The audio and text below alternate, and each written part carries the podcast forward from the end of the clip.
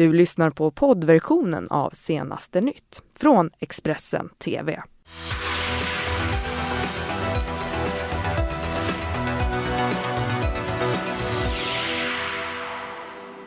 Välkommen till Expressen TV och senaste nytt denna lördag den 26 januari. Jag heter Ellen Pan och det här är våra toppnyheter just nu. USAs statsapparat öppnar igen efter rekordlånga nedstängningen, åtminstone tillfälligt. Hela världen har följt tvååriga julens öde och nu har han hittats död. Ryssland kritiserar USA efter uttalandet om den pågående konflikten i Venezuela. Men först så ska vi prata om tvååriga julen från Spanien som har hittats död. Hela världen har följt pojkens öde efter att han för 13 dagar sedan ramlade ner i ett djupt borrhål utanför Malaga. Räddningsarbetarna kom fram till kroppen tidigt på lördagsmorgonen, det skriver El Pais. Och julen han var med sina föräldrar på en familjeutflykt den 13 januari när han plötsligt föll ner i ett hål i marken. Hålet visade sig vara ett 110 meter djupt borrhål, bara 25 centimeter i diameter. Och för att kunna komma fram till pojken så har gruvarbetare arbetat dygnet runt för att gräva ett nytt hål bredvid det som han föll ner i.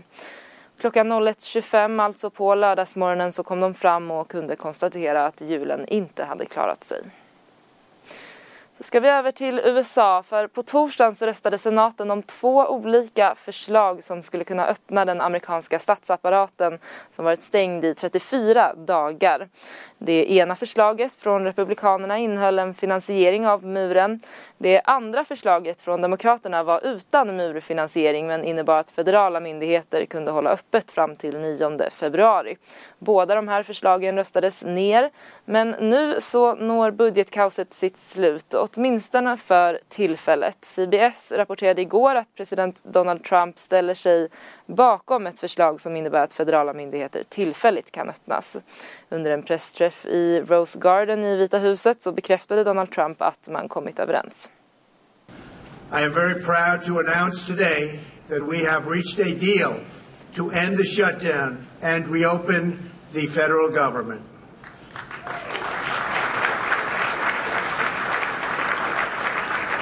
As everyone knows, I have a very powerful alternative, but I didn't want to use it at this time. Hopefully, it will be unnecessary. I want to thank all of the incredible federal workers and their amazing families who have shown such extraordinary devotion in the face of this recent hardship. You are fantastic people. You are incredible patriots.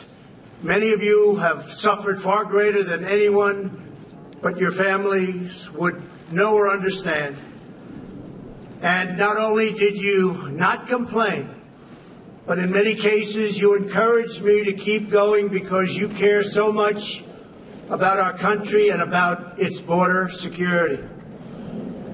Again, I thank you. All Americans, I thank you. You are very very special people. I am so proud that you are citizens of our country. When I say make America great again, it could never be done without you. Great people. Mm. Och eh, här i Expressen TV så gästades vi tidigare av Natasha Chen från CNN som förklarade hur den här uppgörelsen påverkar USA. What this means is that 800,000 furloughed federal workers will soon be paid. They have gone without a paycheck, many of them, for two pay cycles. Now, the president did sign legislation earlier this month saying that whenever this shutdown ends, these employees would be paid as soon as possible, regardless of when the scheduled paychecks were supposed to go out. So uh, the hope is that these people will be paid very soon. This does open the government up for three three weeks until February 15th. So that is the length of time that the Democrats and Republicans have to come up with a lasting deal. Otherwise, we could find ourselves in another shutdown again by that point. Natasha, will Trump still be fighting for his wall? Yes, well, he was speaking about that at the Rose Garden today when he made this announcement about the temporary deal. He did talk about the necessity for a steel barrier through uh, a lot of the portions of the south- southern border of the United States as a method for staving off illegal immigration. He talked about human trafficking and other problems with uh, illegal immigration and the and the reason that it was important for him to have a wall uh, to deal with what he calls uh, this crisis. Now, come February 15th, if there is no agreement between the two parties, he said he could also invoke a national emergency to build this wall uh, to find funds within the federal government to do that, Anton. Okay, finally, uh, are there any reactions from the federal employers that now can get their salary back again?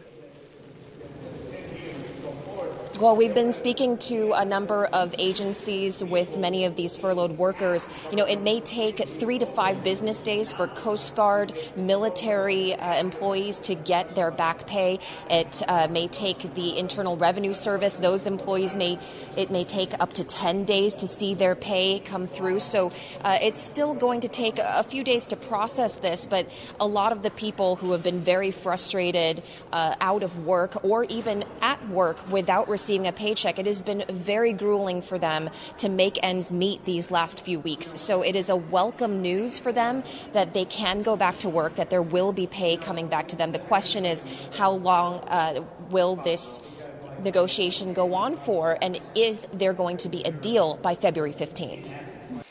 Vi ska stanna kvar lite grann i USA och prata om Bernie Sanders. För några år sedan, närmare bestämt 2016, så siktade han på att bli presidentkandidat men förlorade då mot Hillary Clinton. Och nu kommer nya uppgifter om att han gör ett nytt försök att utmana Donald Trump om presidentposten. Det uppger källor med insyn till sajten Yahoo. Inom kort så ska den 77-årige senatorn tillkännage sin kandidatur och Bernie Sanders ska ha fått blodad tand efter att flera opinionsundersökningar visar att eh, han är Demokraternas mest populära kandidat, det skriver alltså Yahoo. Så ska vi vidare till konflikten i Venezuela. Nicolás Maduro fick 68 procent av rösterna i landets val och 21 procent röstade på kandidaten Henry Falcon. Men större delen av Europa erkänner nu oppositionsledaren Juan Guaido eh, som landets nya president. Det var ju tidigare i veckan som han utropade sig själv till president i Venezuela medan exempelvis Ryssland har gått ut och kritiserat framförallt USAs agerande som man menar är att lägga sig i Venezuelas interna angelägenheter. Det är efter att Trump också erkänt Guaido som ny president. Och omgiven av flera högt uppsatta militärer så höll Venezuelas försvarsminister Vladimir Padrino idag en presskonferens där han anklagade Juan Guaido för att ha begått ett kuppförsök, det skriver AFP. Padrino varnar för att ett inbördeskrig kan utbryta i landet efter vad han kallar för en USA-backad kriminell plan att avsätta president Nicolás Maduro. Det här rapporterar The Guardian. Och USAs utrikesminister Pompeo han utnämner Elliot Abrams som den person som ska kunna lösa konflikten i Venezuela. Today I am uh, incredibly excited to announce that a seasoned, principled and tough-minded foreign policy veteran is joining our State Department team. Elliot Abrams is coming aboard to lead our efforts on Venezuela. His critical work will get started right away. Uh, tomorrow, he'll travel with me to the UN Security Council, where the United States has called a long overdue meeting to urge other nations to support Venezuela's democratic transition. Och så ska vi kika lite närmare på bakgrunden till den här långt utdragna konflikten i Venezuela. Det här är det som har hänt hittills. Venezuela har en gång varit Latinamerikas rikaste land med oljereserver som hör till de största i världen. Idag är det ett land i kaos med hyperinflation och med miljoner invånare som flytt landet och med en stor del av befolkningen som lider av extrem fattigdom. När Venezuelas tidigare president Hugo Chavez avlider 2013 så kastas landet in i en akut politisk kris. Efterträdaren Nicolás Maduro får ta över ett land med hög kriminalitet, inflation och kronisk brist på dagligvaror trots rika oljetillgångar. En kris som tillskrivs hög korruption och en alltför hårt reglerad statlig priskontroll på varor. I maj 2018 så väljs Nicolás Maduro återigen till president Och trots anklagelser om valfusk så svärs Maduro in för ännu en mandatperiod. Oppositionen anklagar presidenten för valfusk men Maduro kallar revolten för ett kuppförsök. Protester i landet startar efter att militärer gjort uppror mot regeringen i landet. Såväl personer som är för och som är emot Nicolás Maduro går ut på landets gator för att göra sina röster hörda. Många människor dödas i sammandrabbningarna. Och i samband med demonstrationerna i Venezuela så går nationalförsamlingens ledare Juan Guaido ut och utropar sig själv till tillförordnad president i Venezuela. USA och ett flertal andra länder går ut och säger att de erkänner Juan Guaido som president. Nicolas Maduro is a dictator with no legitimate claim to power. The United States supports the courageous decision by Juan Guaido, the President of your National Assembly, to assert that body's constitutional powers, declare Maduro a usurper, and call for the establishment of a transitional government. President Nicolas Maduro agerar snabbt. Han meddelar att han sitter kvar och att han bryter alla diplomatiska relationer med USA. He decidido romper relaciones diplomáticas y políticas con el gobierno imperialista de los Estados Unidos. USA och de flesta omgivande länder erkänner Venezuelas oppositionsledare Juan Guaido som rättmätig övergångspresident. Men den utmanande Nicolás Maduro får starkt stöd från öst där Ryssland varnar Washington för att ingripa militärt. Även NATO-landet Turkiets president Erdogan går ut och stöttar Maduro. Och vi fortsätter givetvis att följa utvecklingen i Venezuela men nu så ska vi gå vidare och prata om sport. Två år på raken så har Heidi Weng vunnit den totala världscupen och Tour de Ski.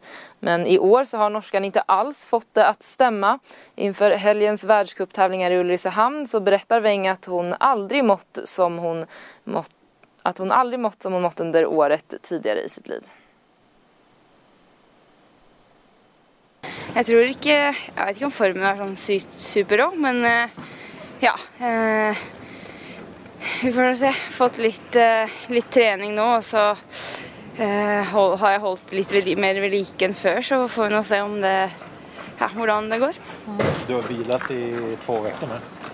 Eh, ja, det er egentlig bare hvilt en uke etter Tour de Ski, og så har jeg trent veldig bra de siste to ukene, egentlig. Så blir spännande att se om eh, hvordan kroppen är. Det har inte känts så väldigt rått, så eh, har haft en kjempebra intervall, men eh, inte noe sånn der eh, Ja, jeg skulle gjerne vært eh, eh at kroppen spiller litt mer på lag enn den har gjort, for det, det har ikke vært sånn ja, jeg har ikke følt det sånn her noen gang i mine, mine år, så det är jo litt uvant. Hur menar du att du inte har känt det så här? Eh, nei, det går jo er sånn eh, Jeg føler jo liksom at jeg, mangler siste gir og orke å stå på, da. Og føler liksom at jeg bare er tung. Eh, eh, vi kaller det I3, sånn halvfort intervall, syns jeg går veldig fint. Og med en gang jeg skal prøve å pushe meg på konkurransefart, så syns jeg ikke det fungerer. Så eh, jeg er veldig spent på, eh, på hvordan det går i morgen, og så får det gå som det går. Ja, vi får se hur det går helt enkelt och vår reporter Filip Gadd han befinner sig just nu i Ulricehamn och kommer ge oss uppdateringar från världskuppen löpande. Och med det så tackar jag för mig här i studion.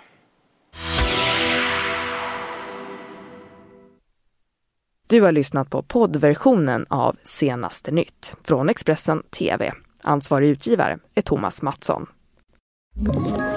Ett poddtips från Podplay. I fallen jag aldrig glömmer djupdyker Hasse Aro i arbetet bakom några av Sveriges mest uppseendeväckande brottsutredningar. Går vi in med hemlig telefonavlyssning och, och då upplever vi att vi får en total förändring av hans beteende. Vad är det som händer nu? Vem är det som läcker? Och så säger han att jag är kriminell, jag har varit kriminell i hela mitt liv men att mörda ett barn, där går min gräns. Nya säsongen av Fallen jag aldrig glömmer på Podplay.